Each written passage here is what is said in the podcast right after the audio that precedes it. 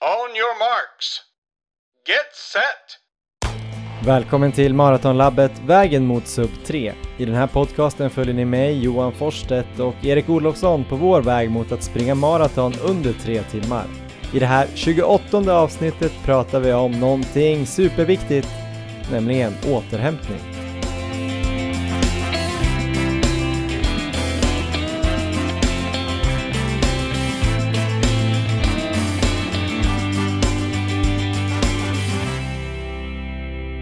Hej alla lyssnare av Maratonlabbet och hej Maratonlabbets största löpstjärna genom alla tider, Erik Olofsson! Hur är läget? Tack Johan, vilken härlig prestation. Det är bra. Ja men det tycker jag du är förtjänt av. Ja, tack. Hur är läget själv? Eh, jo, förutom att jag är en medioker maratonlöpare som har tappat all lust att maratonträna, så är det ganska bra. Vad är det som har hänt? Jag vet inte, jag är bara så usel.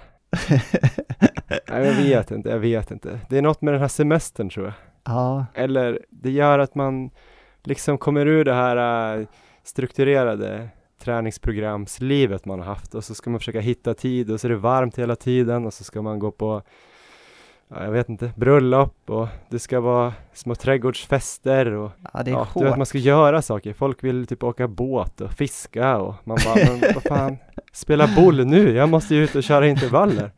Och så skjuter man upp intervallerna och så plötsligt så säger ja men nu måste jag springa, äh, då ska de sätta sig och äta middag och sådär. Så ah, får man sticka ut och ser man någon sitta och grilla liksom och jag bara, ah, känner man sig som en idiot. Sticker man ut på något så här, två mils pass som går käpprätt åt helvete och så känner man sig både dålig på att springa och eh, som att man inte njuter av semestern. Lite så, kanske lite kryddat, men ungefär så. De här semestertiderna tror jag kommer knäcka den här satsningen om det inte, om det inte tar slut snart. Så jag känner också. Jag är ju lite, lite i samma, samma läge som dig tror jag.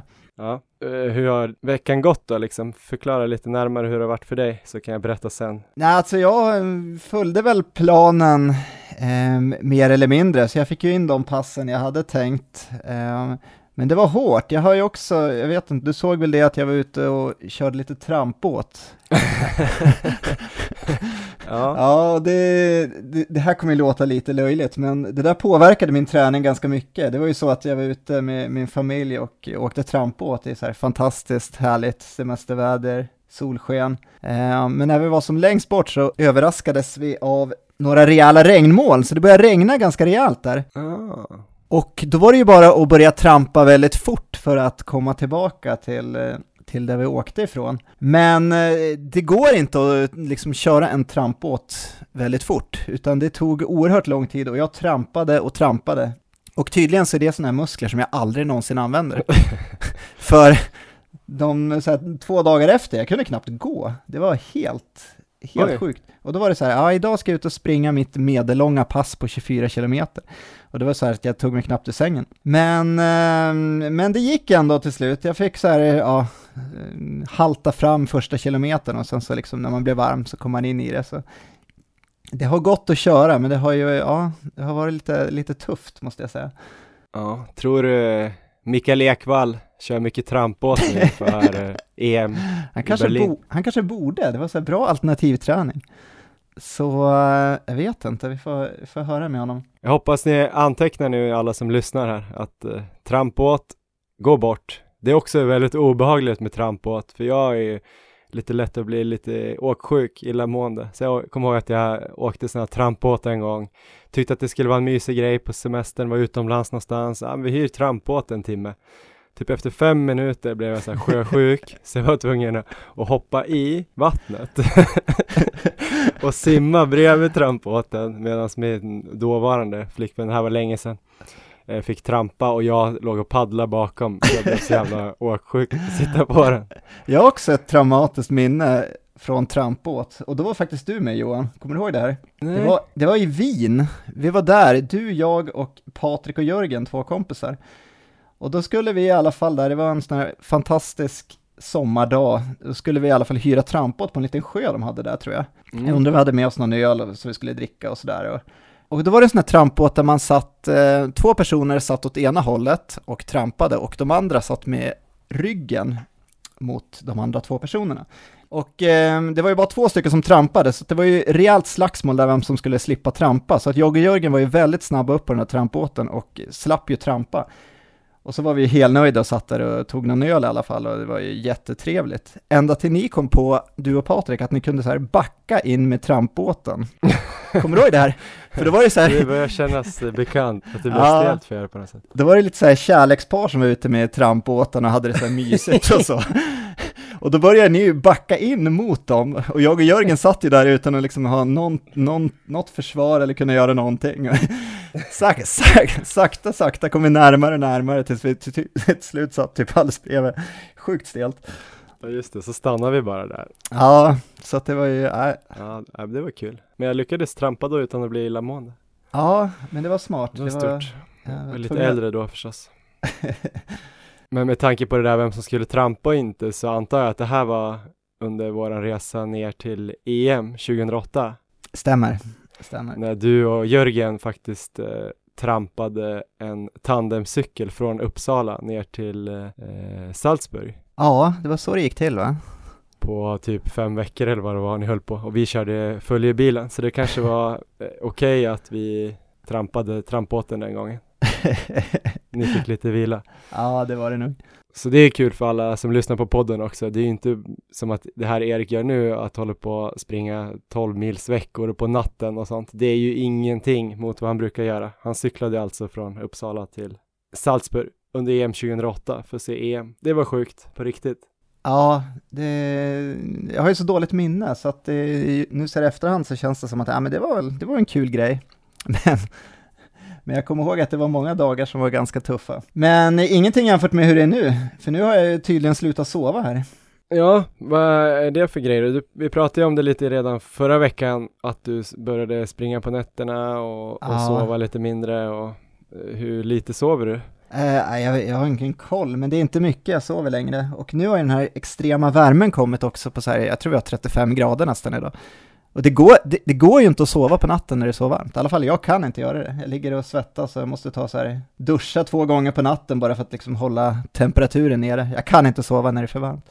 Oj, Så, att, så nu är det det problemet, plus att jag redan hade sömnbrist. Så att ehm, veckans avsnitt kommer ju väldigt bra i tiden för mig. ja just det, eftersom vi ska prata lite om återhämtning. Jajamän. Det kommer en intervju snart eh, om återhämtning och sen kommer vi väl prata lite mer om det. Men redan nu kan vi väl vara inne på det lite, för jag tror att det är lite det som har hänt mig också, förutom det här med semester och att man ska göra olika saker sådär, så känner jag mig eh, riktigt sliten. För jag kommer ihåg, vi spelade ju in förra avsnittet förra tisdagen och då sa jag väl att ja, men i eftermiddag ska jag försöka få till mitt medellånga pass i 4.25 fart. Just det. Typ, eh, jag skulle springa 90 minuter tror jag.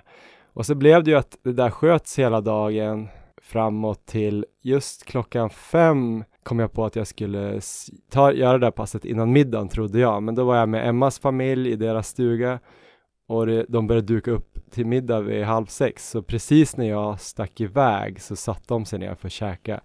Och det var då det kändes så himla konstigt att dra ut på en för med uppvärmning och nedjoggning skulle det bli typ 24 kilometer. Så Ja. stack jag iväg och jag skämtar inte om jag liksom var tvungen att stanna efter 300 meter på uppvärmningen och bara Alltså typ gråta inombords en skvätt och tänka så här, "Ja, jag orkar, jag var så jävla trött i benen, jag fattar ingenting.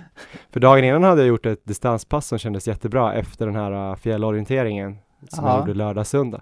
Men äh, jag hade liksom noll energi i kroppen. Har du någon teori vad det kan ha varit? Nej, jag vet inte. Jag tror nog att den där uh, söndagens uh, fjällorientering som var ja, runt en mil då fågelvägen och man spikade alla kontroller. Jag sprang ju lite längre och det var väldigt brant och sådär. Så mycket kuperat upp och ner. Det kanske tog hårdare än vad, som, hur det, än vad det kändes. Och eh, kanske ackumulerat då att jag kom upp lite i några veckor i rad när jag ändå har kommit upp mot 70-75 kilometer. Kanske inte så van vid det. Och så värmen och ja, men lite annorlunda struktur på sömn och, och kost tror jag. Ja. Eh, inte riktigt lika strikt kanske. Så kanske också det här med återhämtningen då. Och lite mentalt tror jag, lite sliten. Så jag fick ju verkligen eh, kriga och jag fick dela upp eh, passet i Jag tror jag gjorde tre intervaller till slut. Jag sprang 10,7 kilometer först. Ja, Och till slut så bara, nej. Du vet, ibland kan man springa och tänka så här, fan vad skönt det skulle vara att stanna. Men man, men man gör ju sällan det, för man ja, kommer över det, man börjar tänka lite mer positivt. Men jag kunde inte göra det. Jag var mitt ute i skogen där ute här i Jämtland på någon asfaltsväg, helt tomt och så var det kuperat och ja, trist bara. så vad gjorde du? Stannade eller gick du en bit eller? Ja, jag stannade och så sa jag, du får gå två minuter. Sen eh, så gick jag två minuter så tänkte jag, men jag delar upp det sista milen, eller 9,3 då, i 3, 3,1 kilometer tänkte jag. eh, I den här farten. Så, Ja. så sprang jag 3,1 kilometer och gick två minuter och sen skulle jag springa 3,1 då, men då då kämpade jag faktiskt upp för en brant backe, höll tiden märkte jag och kom över krönet och då var det nerför. Så när det var 3,1 så var det nerför och då, då kände jag så här, "Nej, men nu kan jag bara springa det sista, så då sprang jag 6,2 till.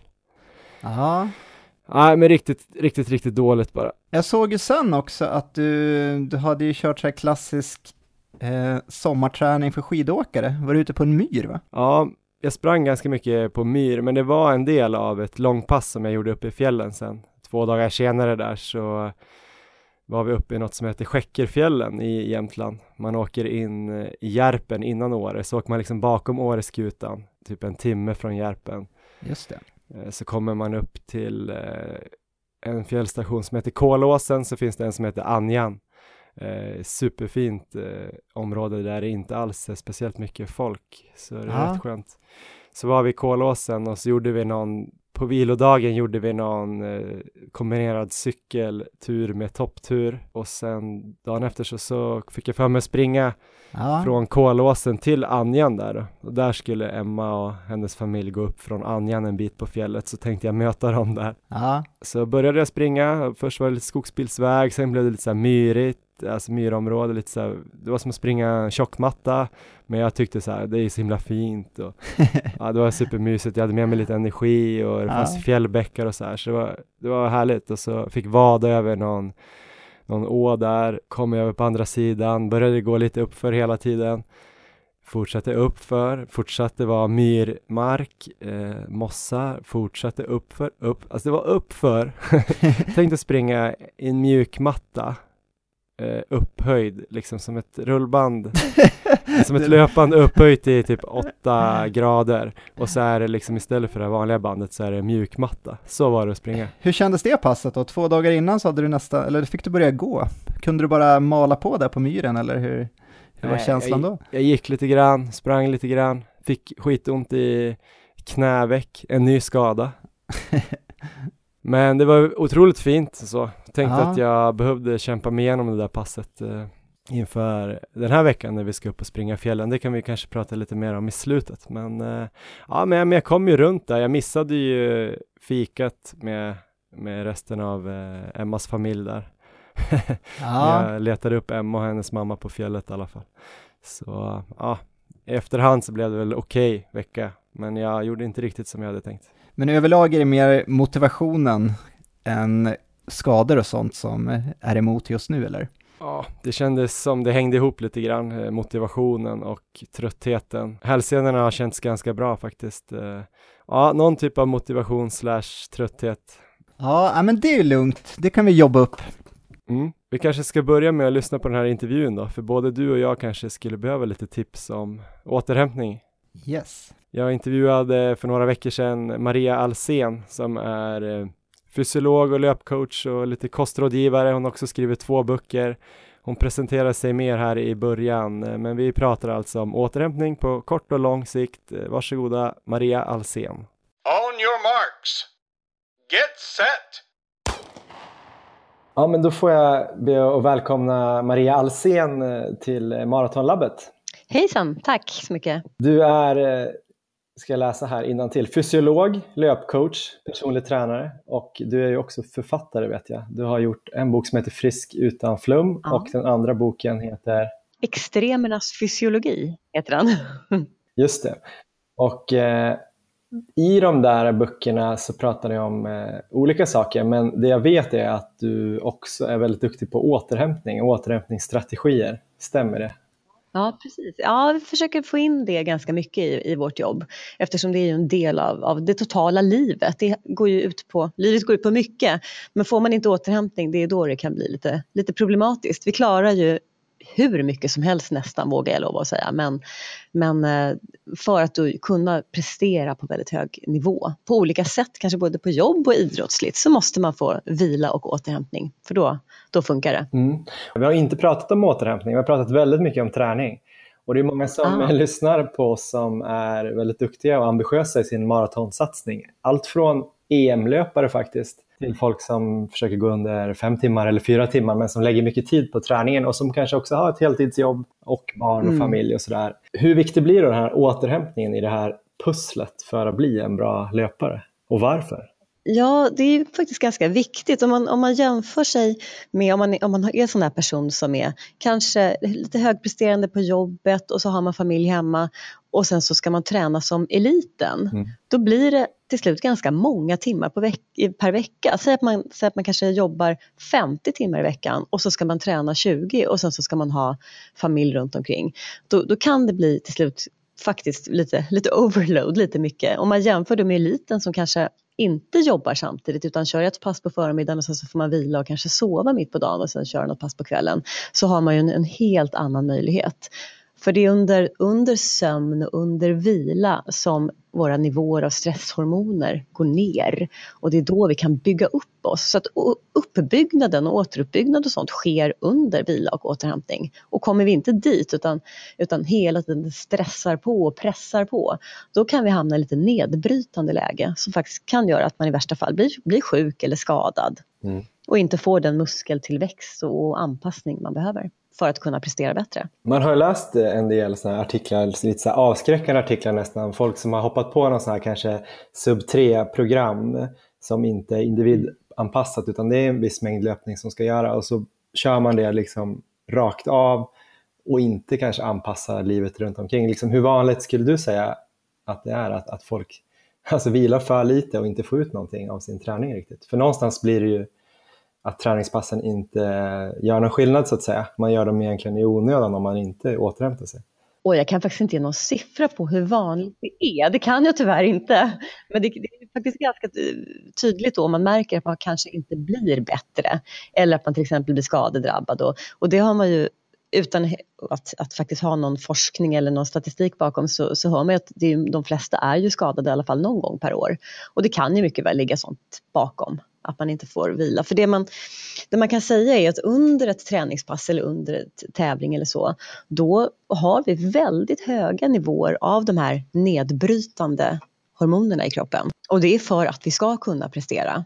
Så måste det vara. Ett, ett väldigt intensivt pass kräver faktiskt en ganska lång återhämtningsfas än ett kortare pass. Och återhämtning ska också säga att det behöver ju inte vara stillasittande, man behöver inte ligga på en soffa. Utan det kanske kan vara någon typ av alternativ träning, att man kanske kör ett rörlighetspass eller en promenad eller, eller yoga eller något liknande. Så att man behöver ju inte vara helt inaktiv. Brukar man springa kanske man kan paddla lite eller så till exempel. Men du nämnde sömn innan där som en väldigt viktig mm. nyckel till att eh, återhämta sig. Vilka är de andra viktigaste nycklarna eller så för att faktiskt få tillräcklig återhämtning? En jätteviktig återhämtning är ju att få i sig näringsämnen och, och dryck, alltså vatten och mat egentligen. Eh, vi kan ju bli ganska tömda i våra energi, eh, energinivåerna kan bli låga när vi har tränat eller tävlat hårt. Eh, vi har ju till exempel våra kolhydratlager i musklerna som heter glykogen som också finns i levern. Och det är det vi behöver för att kunna prestera högintensivt. Och sen så har vi också våra fettlager. Det har ju fett i musklerna men också i fettväven som ligger på lite olika ställen i kroppen. Och de här måste vi också fylla på efteråt för att kunna prestera på topp. Och hamnar vi i ett läge där vi äter mindre än vi gör av med så kommer det faktiskt dra igång samma stresshormoner som vi har under ett träningspass eller om vi har för mycket på jobbet. Så det kan vi också säga att, att det då kanske försöka minska på stressen är ju också en jätteviktig del för återhämtningen. Mm. Och jag brukar berätta just min egen erfarenhet här. Jag har inte tvättat mina fönster sedan 1995 tror jag. för att minska min egen stress. Fönster blir inte smutsigare än så kan jag säga. Man, har det gått några år så hamnar de i ett, ett läge där man fortfarande ser ut men de är inte perfekta. Men det minskar min stress. Man behöver inte jobba ihjäl sig på helgen till exempel om man jobbar hela veckan. Smart. Men mm. vi kanske ändå ska gå in lite mer på sömnen. Vi, vi var ju ja. som sagt inne på det och du sa ju att de här elitidrottarna kanske till och med sover, eh, de ja. kan sova 8, 9, 10 timmar har man hört på nätterna mm. och sen kanske de till och med har en, två timmar på eftermiddagen. Och då sen så ska vi motionärer applicera det här men kanske bara sover 6 eller 7 timmar på natten och ingenting mer. Vad händer då, den skillnaden? Kan det gå, går det att beskriva? Eller vad? Ja, Alltså för det första kan man säga att ju hårdare man, man lever, förmodligen är det så att desto mer behöver man sova. Mm. Det pågår ganska mycket forskning om det för att utreda det ännu mer. Men man brukar säga att ju högre liksom, intensitet, det vill säga att ju mer du tränar, desto mer sömn behöver man. Får man för lite sömn så kommer man ju börja liksom, att, att prestera sämre på olika sätt. Och till slut så kan man faktiskt börja må ganska dåligt av det.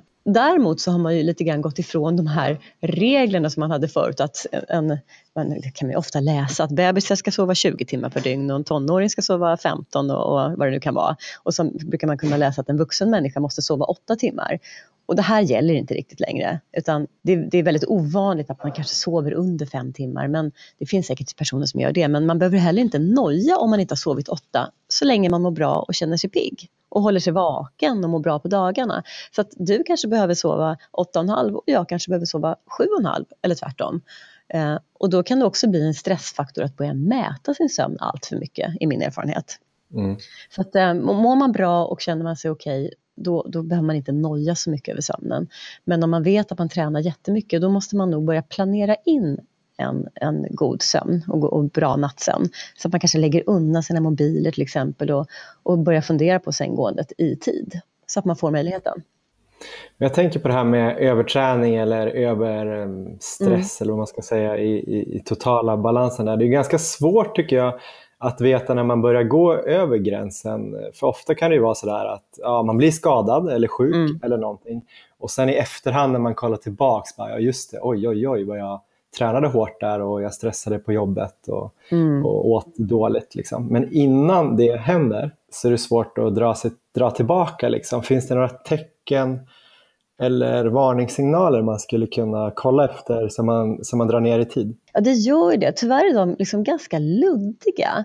Eh, det är ganska mycket, om man tittar liksom på de här tecknen så, så, kan det vara att man, att man är trött, att man känner minskad lust att träna eller tävla. Eh, och jag menar, det här är ju det är ganska svårt att, peka på, liksom att man är trött. Det är ju många, ta till exempel på hösten och, då, och vinter, då är man ju trött. Um, men, men att, liksom att, att allmänna humöret kanske börjar gå ner. Men sen så finns det ju vissa mätbara saker. Det är till exempel att man kan hålla lite koll på sin puls. Om man mm. har koll på sin vilopuls så kan man se att om den som börjar bli högre eller att man har högre puls när man håller på så kan det vara ett tecken på också att kroppen är lite stressad och att man är på väg in i, i en för hög ansträngningsgrad. Man ska nog hålla koll på liksom just hur man mår och hur man känner. Känns det roligt eller känns det bara, bara jobbigt allting? Det är nog det bästa tipset tror jag. Ja, men för ibland kan det ju vara svårt om man som maratonlöpare ska springa sex eller sju eller åtta. Det är inte alltid roligt liksom. Nej. det är svårt Nej, att säga. Precis. Om man alltid känner efter, det där var inte så kul idag, det regnar och så. Ja. Det kanske inte behöver säga att man är övertränad, men är det kanske mer om man kommer ut på passet och det fortfarande aldrig, för oftast brukar det ju släppa om man, om man är lite osugen. Men det blir kul, men det kanske aldrig blir kul överhuvudtaget då om man är på väg att gå in i, i väggen kanske. Då kanske man aldrig får den känslan. Nej precis, jag tror man ska, att föra träningsdagbok behöver ju inte vara så fel heller, just om man tränar så mycket. Och också skriva till där hur man mår och hur det kändes kan ju vara ett tecken också att man kan se över tid. Om det är någonting som mm. förändras. Så, så, förändringar brukar man ju ofta prata om vad gäller många saker, att det är någonting man kan hålla lite koll på. Om det brukar kännas på ett sätt och så plötsligt så känns det nej, det här med att det är svårt att få upp puls, eh, eller få upp hög puls liksom, på ett träningspass om man ska köra lite hårdare intervaller till exempel. Det har man kanske också hört att det kan vara ett tecken på att man är lite eh, övertränad på något sätt. Eh, finns det någonting i det också, att man känner att man inte kan nå det här taket lika lätt? Ja, alltså återigen där är det ju jättebra att notera sådana saker, för då ser man en förändring så kan det ju vara någonting man ska ta, ta på allvar tycker jag. Och sen en annan grej som man alltid kan också komma ihåg att om någonting inte känns riktigt bra så kan det ju faktiskt vara någonting annat. Det kan ju vara att man, att man har en infektion i kroppen, det kan vara att man har någon järnbrist till exempel, någon vitaminbrist. Så det är aldrig fel att gå och kolla upp sig, gå till vårdcentralen och säga att jag mår inte riktigt som jag brukar. Eh, och då kan man ju faktiskt kolla med väldigt enkla blod, blodprover och se. Eh, det kan ju vara att man blir hängig helt enkelt av, av järnbrist som inte alls är särskilt ovanligt, speciellt bland kvinnor som menstruerar. Just det. Min eh, poddkamrat här, Erik, mm. nu ska jag hänga ut honom här igen. Jag brukar ofta ha honom som exempel för att jag inte vågar prata med själv. Men han har haft en väldigt bra och hård träningsvår där han har liksom tränat upp mot 10-12 mil i veckan vissa veckor. Eh, men han har också fått några lite längre sjukdomsperioder, jag tror i alla fall två gånger två mm. veckor. Något mm. där han tror jag inte skulle erkänna att, att det var på grund av träningen utan mer att han har barn i dagisålder och sådär. Eh, och det är väldigt svårt att säga vad som eh, beror på vad. Liksom. Men mm. det där med sjukdomar, eh, kan det vara också tecken på att man har gått över gränsen eller hur hänger det ihop? Ja, där brukar man ju se, titta på läser man såna här idrottsläroböcker så kan man ju se ganska fina kurvor på sånt hur immunförsvaret stärks ju av träning. Men immunförsvaret blir ju också sämre om man har, liksom precis efter man har tränat väldigt, väldigt hårt. Ehm, eftersom de här stresshormonerna är just lite ned, nedbrytande. Så det kanske är en, en dålig mix eller dålig kombination. Han kanske också haft otur. Ehm, men det kan, så kan det absolut vara, för kroppen orkar ju inte hur mycket som helst om man inte lägger in liksom bra med, med återhämtning efter så hårda veckor. Men andra saker då, om vi pratar, nu kommer vi in lite på kanske lite praktiska grejer ja. på kort sikt. Vi har pratat lite lång sikt och, och det här pusslet och vad man kan tänka på och känna efter. Men just om man har tränat då, mm. säg att man har kört ett riktigt hårt eh, intervallpass då, veckans kanske hårdaste. Hur ska man gå tillväga direkt efteråt där då, för att snabba på återhämtningen så man snart kan träna hårt igen? Alltså då, då man, om man eh, liksom söker igenom den, den, vetenskapliga litteraturen och söker igenom, tittar på olika tidningar och sånt där, så finns det ju väldigt mycket tips och knep. Man, kan, man pratar ibland om kompressionskläder, vilket är väldigt populärt. Man kan prata om eh, stretching och, och man kan prata om eh, varma och kalla bad, bastu och sådär. Så det är faktiskt så att det mesta har väldigt liten vetenskaplig grund och har faktiskt inte särskilt stora effekter. Eh, och det kan ju såklart komma mera forskning framöver men, men inget av det jag nämnde är faktiskt något som hjälper återhämtningen i någon större utsträckning. Eh, däremot nedjogg har man ju sett en viss åt, ökad återhämtning. Så man, om man alltså ett, efter ett långt pass kanske joggar lite långsamt eller går lite snabbt eller om man eh, har möjlighet att kanske sätta sig på en cykel och köra utan för hög belastning så är det ett utmärkt sätt för musklerna att, att fortfarande jobba men att inte göra så mycket kraft. Och då har man sett att det kan främja återhämtningen. Hur långt ska det vara ungefär då? Eller hur lång tid? Det behöver inte vara så himla många minuter utan det, det man vill då det är att, att slaggprodukter ska forslas ut ur muskeln, ut i blodbanan så att det försvinner från muskeln. Och att muskeln också kanske får möjlighet att ta upp kolhydrater på ett enkelt sätt sen när man tillför det efteråt. Um, så, så, att det är, oh, jag skulle lägga på 5-10 minuter efter ett pass. Mm, mm. Att man liksom avslutar passet en bit hemifrån och sen så småjoggar man tillbaka bara. Um, och sen så naturligtvis att tillföra vätska efteråt. Uh, och har man inte hållit på så länge så går ju vatten jättebra. Om man inte har liksom svettats stora mängder, då är ju vatten liksom en utmärkt dryck. Um, och sen tillföra mat. Och mat är ju i särklass det bästa man kan ge kroppen. Till skillnad från alla, det finns ju jättemycket produkter man kan ju eh, köpa, liksom specialanpassade. Men mat är utmärkt som återhämtningsmål. Mm. Eh, speciellt om man bara ska träna en gång per dag så, så är det liksom kanske bättre att vänta en stund och äta ett riktigt mål mat efter träningen än att börja käka massa mellanmål. Mm som sen kanske gör att man äter lite sämre middag. Eh, ska man däremot köra dubbelpass, om man ska köra en gång på förmiddagen och en gång på kvällen, då kan det däremot vara vad ska man säga, en fördel att äta kolhydrater direkt efter avslutat pass. Så att man fyller på musklernas lager av kolhydrater, av glykogen. Protein då? Är det någonting man behöver direkt Alltså pratar vi löpning så, så, så verkar inte det vara så, så, så himla viktigt. Musklerna får ju en, när man arbetar med muskeln så får ju de en, en signal om att de behöver anpassa sig till en ökad belastning. Det är liksom så muskeln jobbar. Den, kommer jag träna en muskel så kommer den liksom växa på sig och bli bättre på det den gör. Och att då behöver vi ju få i oss proteiner för att kunna laga muskelceller och bygga nya muskelceller. Men den här processen är så himla långsam. Och den här signalen ligger kvar i muskeln under väldigt lång tid. Så att äter man sen middag på kvällen till exempel, när man har tränat på eftermiddagen, så, så räcker det. Man behöver inte tillföra protein direkt efter. Nej. lutar det mesta på. Sen finns det ju mycket forskning som visar kanske sådana här extrema tyngdlyftarsporter.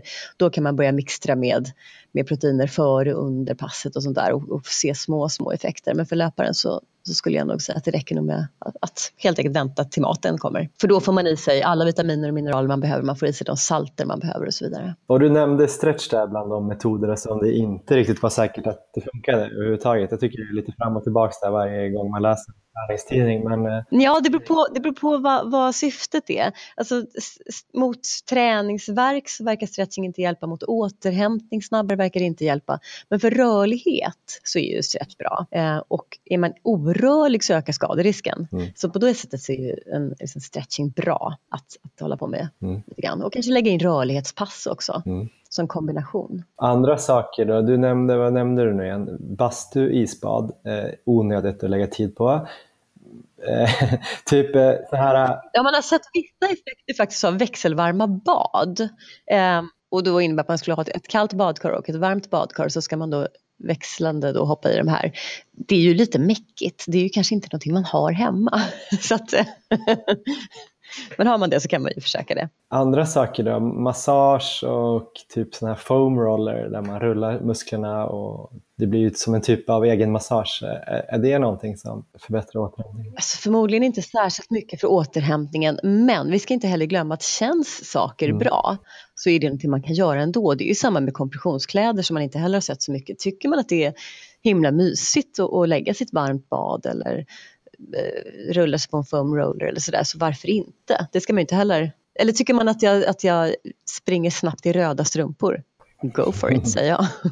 Men det är kanske är ingenting man kan se på, på vetenskaplig grund på gruppnivå när man testar liksom 50 löpare. Jag läste en eh, artikel i senaste Runners Magazine, tror jag, där det var några mm, duktiga 800 1500 meters löpare i Sverige som fick frågan hur de eh, skötte sin återhämtning. Och då var det några som använde någon, någon typ av TENS-maskin, eh, TENS-apparat. Man sätter den på kroppen som jag fattar och skickar ut någon typ av eh, signal som gör att musklerna slappar av, slappnar av eller att man eh, stimulerar nerverna på något sätt. Har, har du hört någonting om sånt? Nej, det har jag faktiskt inte gjort. Alltså, TENS används ju ofta i, i, eh, i smärtlindrande syfte. Det är faktiskt det enda som jag har, har hört talas om, om det. Och också att hitta vissa muskler som man stimulerar nerverna med elektricitet. Men det har jag faktiskt inte hört talas om i återhämtning. Det får jag också kolla upp. Ja, men då tror jag att egentligen jag har gått igenom alla mina frågor och vi har fått en liten eh, inblick i det här med återhämtningen. För eh, jag tror nog att det kan vara en viktig sak. Sen ska man ju inte träna för lite såklart, men eh, just att det är under återhämtningen man byggs upp, det är viktigt att komma ihåg, tänker jag. Mm. Och en viktig grej också just att, tycker jag, eh, som jag inte tror att jag nämnde, det är ju att sömnen förutom att liksom vi behöver sömnen för, för, att hjärnan måste få det, eh, så, så är det också en ganska bra indikator på hur man faktiskt mår. Börjar man sova trassligt så kan det betyda att man pressar sig för hårt, att man är för stressad överlag. Eh, och att det ska man faktiskt ta på allvar på riktigt. Mm. Och sover man dåligt så kan man lätt bli lite rädd över det, men det finns hjälp att få. Mm. Sån här kognitiv beteendeterapi är väldigt effektivt mot, mot sömnstörningar. Ja. ja, men jättebra. Jag tror det kan vara nyttigt för, för oss att komma ihåg. Och ät mycket mat säger jag. Framförallt kolhydrater är ju jätteviktigt för den som löptränar. Ja. Tusen tack Maria. Tusen tack själv.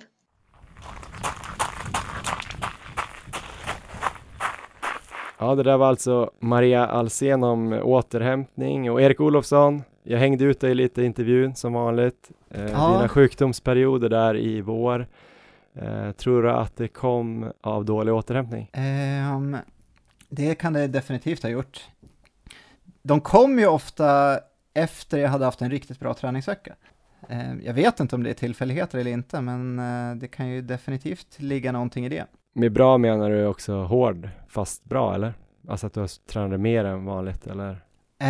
Um, ja, framförallt jo precis. Det var framförallt att jag hade sprungit mycket, men också mm, sista gången när jag fick lunginflammationen där, då hade jag ju precis eh, kört något sånt här stenhårt pass på 25 kilometer i marafart eller lite under till och med. Mm. Så att, ehm, ja, det kan definitivt vara det. Sen kan det ju vara en massa andra anledningar också. Det är väldigt svårt att säga, men det är nog bra att ha det i, i baktanken i alla fall. Men nu då när du kanske har svårt att sova, hur blir du stressad av det eller eh, vad gör du för att förbättra det eller tänker du att du kommer klara det? Alltså jag vet, jag håller på att bryta ihop här känns det som. Det, jag, jag tror jag ligger efter på sömn i två veckor ungefär. Det, det, är, eh, det känns som att nu, nu måste jag nästan bli sjuk för att eh, just nu så fungerar det inte. Jag måste på något sätt ta ett steg tillbaka och bara fokusera på att få in mer sömn. Jag är konstant trött och försöker ändå få in den, all den träning som ska gå och eh, spendera tid med min son under dagarna och ja, hälften av mina pass kör jag på natten nu också. Så det, det, är, eh, det är tufft. Så, eh, men det är två veckor till och nu blir det lite lugnare för nu så ska vi åka upp till Norrbotten här. Först ska vi ju förbi Jämtland och så ska vi ju springa här Mm. i fjällen och sen därefter så åker vi upp till Norrbotten och då har jag eh, mycket familj och släkt där uppe så att då tror jag att det finns eh, betydligt större möjligheter att få vila och sova och eh, träna i lugn och ro och sådär. Kanske lite svalare där uppe också. Jag hoppas det. Jag ska inte klaga på värmen dock, utan jag älskar ju värme, men 35 grader är lite, lite hårt. Ja, nej men, är, men du som är ganska högpresterande eller när du blir besatt av ett mål eller verkligen vill nå ett mål, känns det lite som att eh, du kanske ligger riskzonen för att ta bort för få pass eller att du kanske inte tar bort några pass alls. Hur tänker du kring sånt? Att ta bort ett pass? Ehm, jo, men så är det nog. Ehm, det stämmer säkert, i alla fall när det gäller kvalitetspass och så. Jag tror ändå det, känner jag mig sliten nu så kan jag definitivt, eh, efter allt vi har lärt oss här under året, så kan jag definitivt liksom ta det lugnt ett pass som jag egentligen hade planerat att köra, köra hårt. Så jag tror jag blivit bättre på det än vad jag var förut, men eh, om vi kommer in till återhämtningen så det, det här känns definitivt som det området som, eh, som jag fuskar mest med. Som ett, Mm. liksom ett viktigt område som jag definitivt inte, inte gör allting jag borde just nu med. Så att här, här har jag förbättringsmöjligheter definitivt. Så att det var, ja, jätteintressant intervju. Men det är ju väldigt svårt tänker jag också med återhämtning just för att eh, det är ju risk också att man eh, är lagd så att man gillar återhämtning mer än att träna. Även om man skulle börja känna efter för mycket. Det är ju lätt att tänka så, "Ah, men jag känner kanske efter för mycket ja. och så börjar man vila för mycket liksom. Då, då blir det ju heller ingenting. Så det är svårt att veta var, vart man är, alltså vem, vilken typ av personlighet man är. Vissa är ju verkligen som man ser på dem så här, men du borde lära dig att vila. Men sen kan det Ja. vara vissa som är så här duktiga på att vila, men då bara, mm, du kanske skulle köra lite hårdare. Och sen är det ju så himla olika från person till person. Och just det här med kost, eh, sömn, ja, vila, avslappning, stretch eller vad det nu kan vara. Det är Ja. så himla många olika faktorer.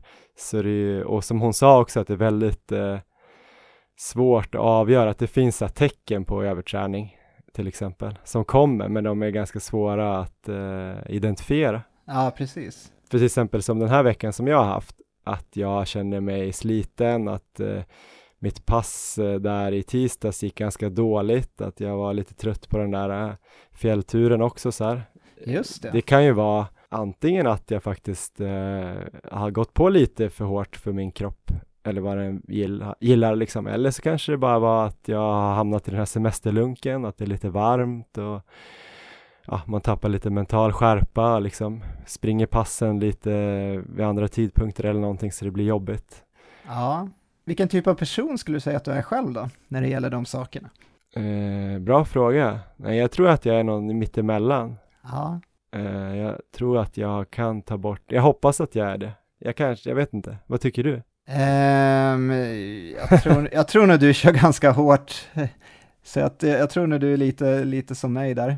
Nej, jag tror inte att jag är en latmask om man ska säga så, men, eh, men som nu blev det ändå i slutet av veckan här så hade jag ju tänkt att eh, köra ett intervallpass i lördags. Ja, Eh, men det strök jag faktiskt helt okej. Och, i, och igår så var jag inte ute någonting heller. Jag körde ett eh, återhämtningspass istället i lördags. Bara tänkte att jag skulle försöka tycka det var härligt att vara ute och springa en sväng. Just det. Och sen i fredags körde jag styrka så det blev ju ändå liksom 6,5 eh, mil plus styrkepass, så det var ingen, ingen katastrofvecka sådär, men man känner ändå att det känns lite dåligt att ta bort, men Ja, just som jag kände nu så kanske det kan vara bra på sikt. Ja, men det tror jag också. Jag hade också, jag hade tänkt köra alla dagar här förra veckan, men jag tog också en vilodag som jag la in. Mm. Så jag har siktat på 12 mil i veckan, nu vart det väl kanske 10 och en halv mil, vilket ju, ja, det är ändå, känns ju ändå väldigt bra. Men om vi ser på äh, återhämtning då Johan, vad har du kört för metoder själv? Känner du att du har, jag vet ju kompressionsstrumpor till exempel har väl du köpt? Ja, fast det har jag nog inte tänkt så mycket för att ha efter, efter passen, utan mer att jag tyckte att det var, verkar lite härligt att testa på långpassen. Okej, för att få lite mer, eh, ja men lite mer stöd eh, i runt hälsena och vad och sådär och ja, det är kanske, det, vi har ju hört att det inte ger någon effekt under själva loppen eller träningen rent fysiologiskt men eh, det kanske kan ge lite mental känsla som när jag sprang på fjället var det väldigt skönt för då är det, sprang jag ganska mycket obanat så det är lite höga, ja, lite ris och ja, mossa och sånt där, stenar. Det kan vara Ja. skönt att ha lite skydd sådär. Eh, Men eh, annars ska man ju kunna gå runt i det där efter passen. Det har jag inte riktigt gjort. jag läste ju att, eh, jag tror det var Ludvig Augustinsson i svenska landslaget här i fotboll, han hade ju fått åtminstone halva laget att eh, resa med sådana här kompressionsstrumpor på flygen efter matcherna och så. Ja, okej. Det skulle ju underlätta återhämtningen, trodde han i alla fall. Ja, jag har te- testat på någon flygresa faktiskt, eh, Ja. just för att inte få så här uppsvullna fötter och om man tar riktigt långa resor kan det ju bli att man får lite stora fötter och så här. Det hjälper ju rätt mycket. Det kan jag också tycka att man, när man ska sticka ut och springa då på det här nya stället så känns det som att man snabbare kan komma igång. Kan vara bra ner till Frankfurt då kanske, ja, på kanske. flyget. Ja, nej, men annars har jag inte testat så mycket ja, såna här specialgrejer liksom. Det är klart att man har fått lite massage då och då, men det är inget jag gör kontinuerligt nu. Eh, kör lite foam rolling när jag har tillgång till den och nu kommer jag Ja. snart ha det igen här i Stockholm. Annars eh, kör jag min löpyoga där två, tre gånger i veckan, men oftast efter de lugna passen för att få en helhet där i återhämtningen att att man först joggar och får ut lite slaggprodukter och sen så kör man rörlighet när man är lite varm och så blir det lite så här mental återhämtning också tycker jag samtidigt. Så det är väl det, annars just det här med kosten tänker jag ju är den absolut viktigaste delen och just få i mig vätska Absolut. och eh, näring efter passen så att jag kan eh, snabbt bygga upp mig igen. Och sömn då såklart, jag är ganska bra på att sova.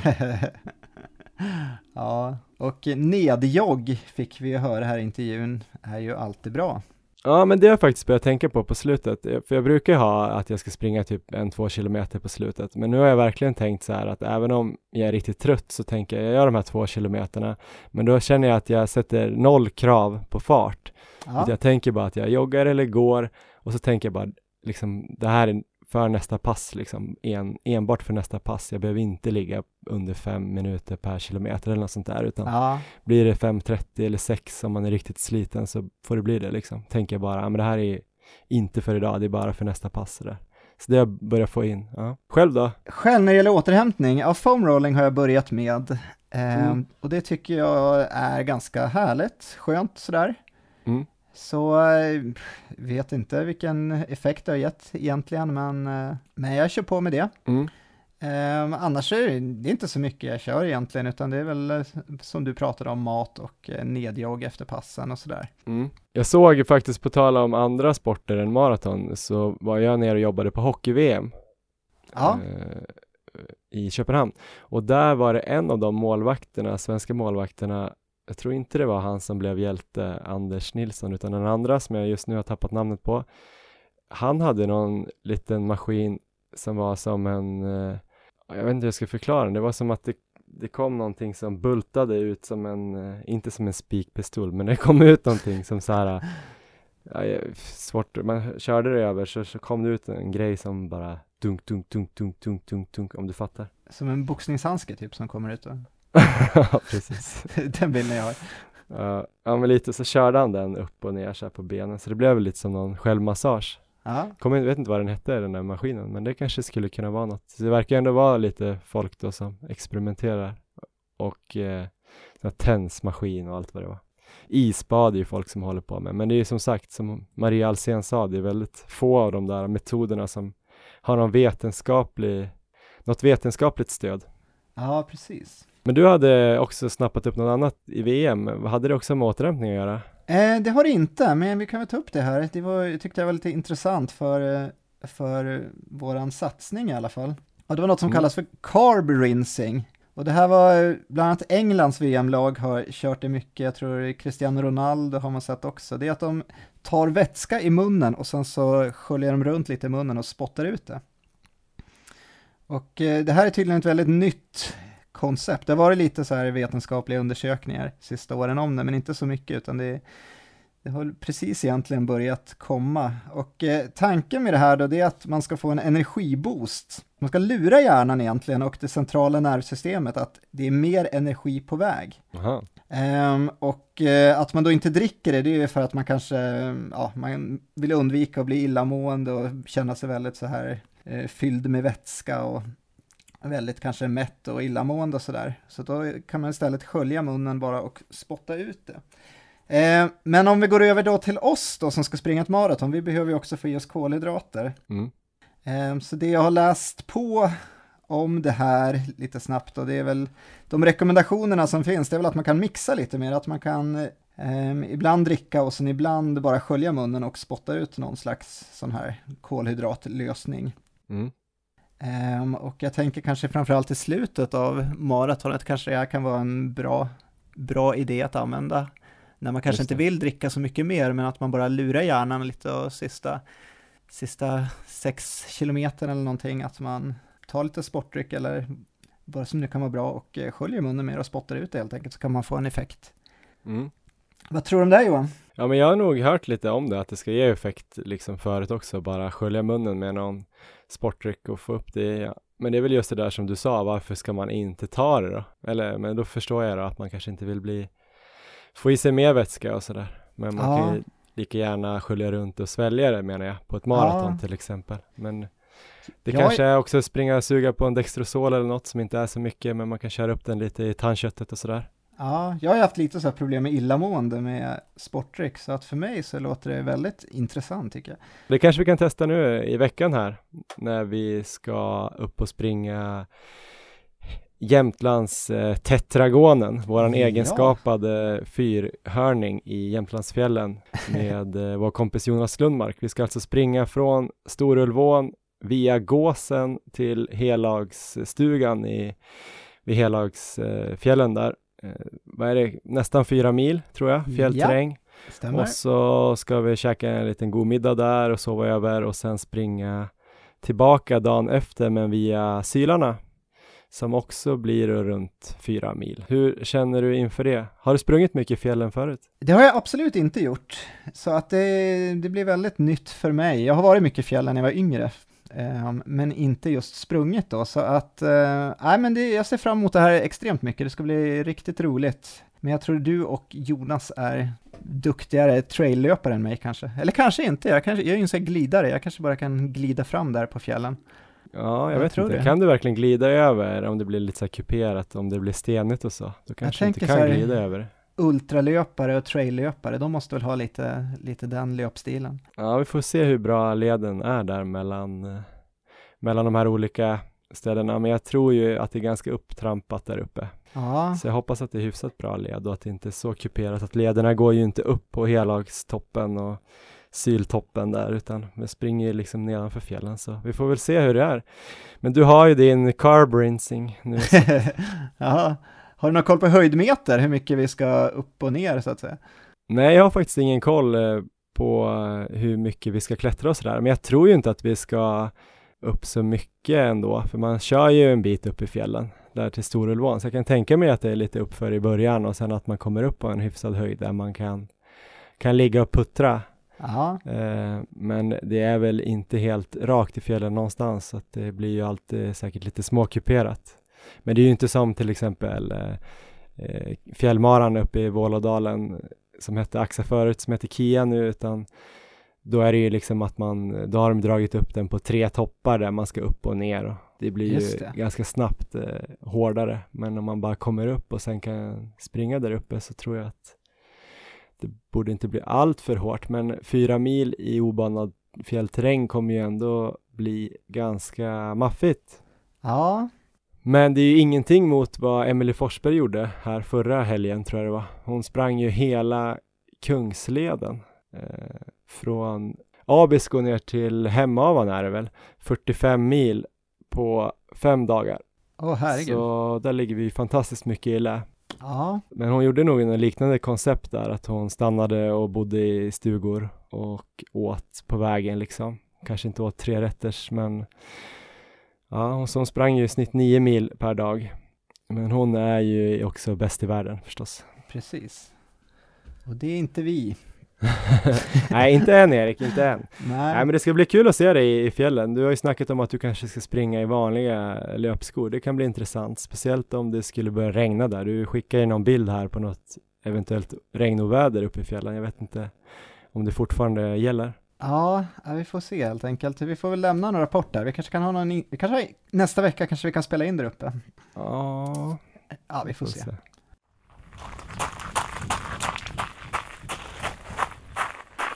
Ja, men annars då? Hinner du träna någonting innan dess eller ska du satsa på det den här veckan?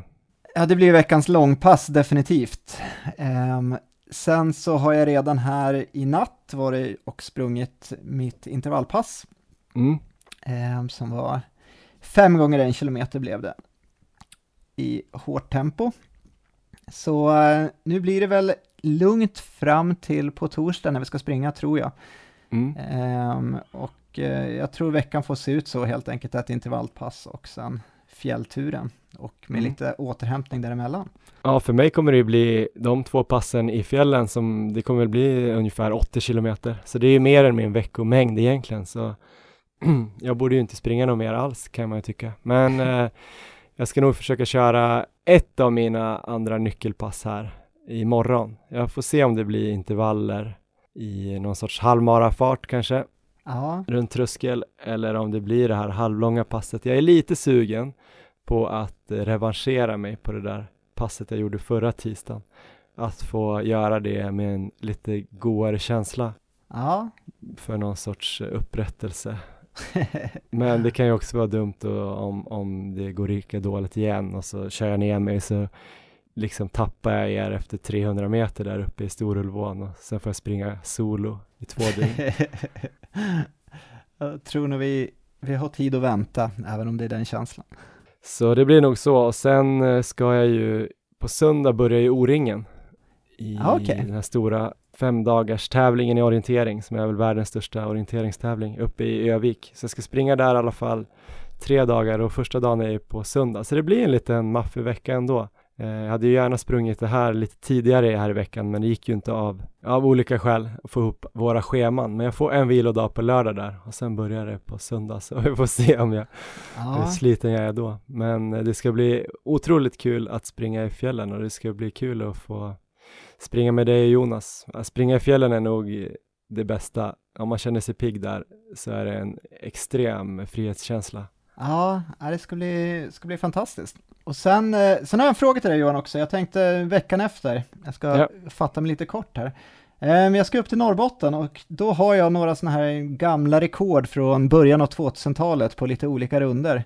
Okej, Som jag känner att jag vill slå, som jag inte varit nära på många år. Ja just Så det. det är väl så här från 2001. Eh, Så jag tänkte där ett par dagar efter vi har varit i fjällen så ska jag ge mig på en 13 km runda och försöka ta det rekordet först. Ja. Sen så samma helg så ska jag springa ett lopp på 6 kilometer. Mm. Eh, Så det kommer ligga ungefär fem dagar emellan. Kan jag dunka iväg två sådana pass samma vecka? Det borde inte vara något problem va? Nej, men jag vet inte, det är så svårt att säga, men jag antar att du kommer kunna köra det. Sen kanske du inte kommer maxprestera på 6 kilometers loppet om du kör 13 några dagar innan. Vad Ja, är det man brukar säga? Mellan tummen och pekfingret så brukar man väl ta antalet kilometer som loppet är på delat i två och då får Ja. man så många dagar man behöver för att återhämta sig för att kunna göra en maxprestation igen. Så på ett millopp borde det bli fem dagar ungefär. Just så det. det går säkert bra.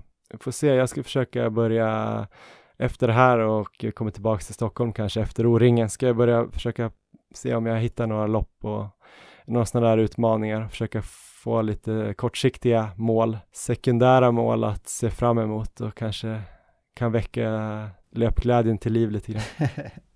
ja, men det låter bra. Ja, nej men vi får väl eh, höras eh, lite mer framåt eh, torsdag här då.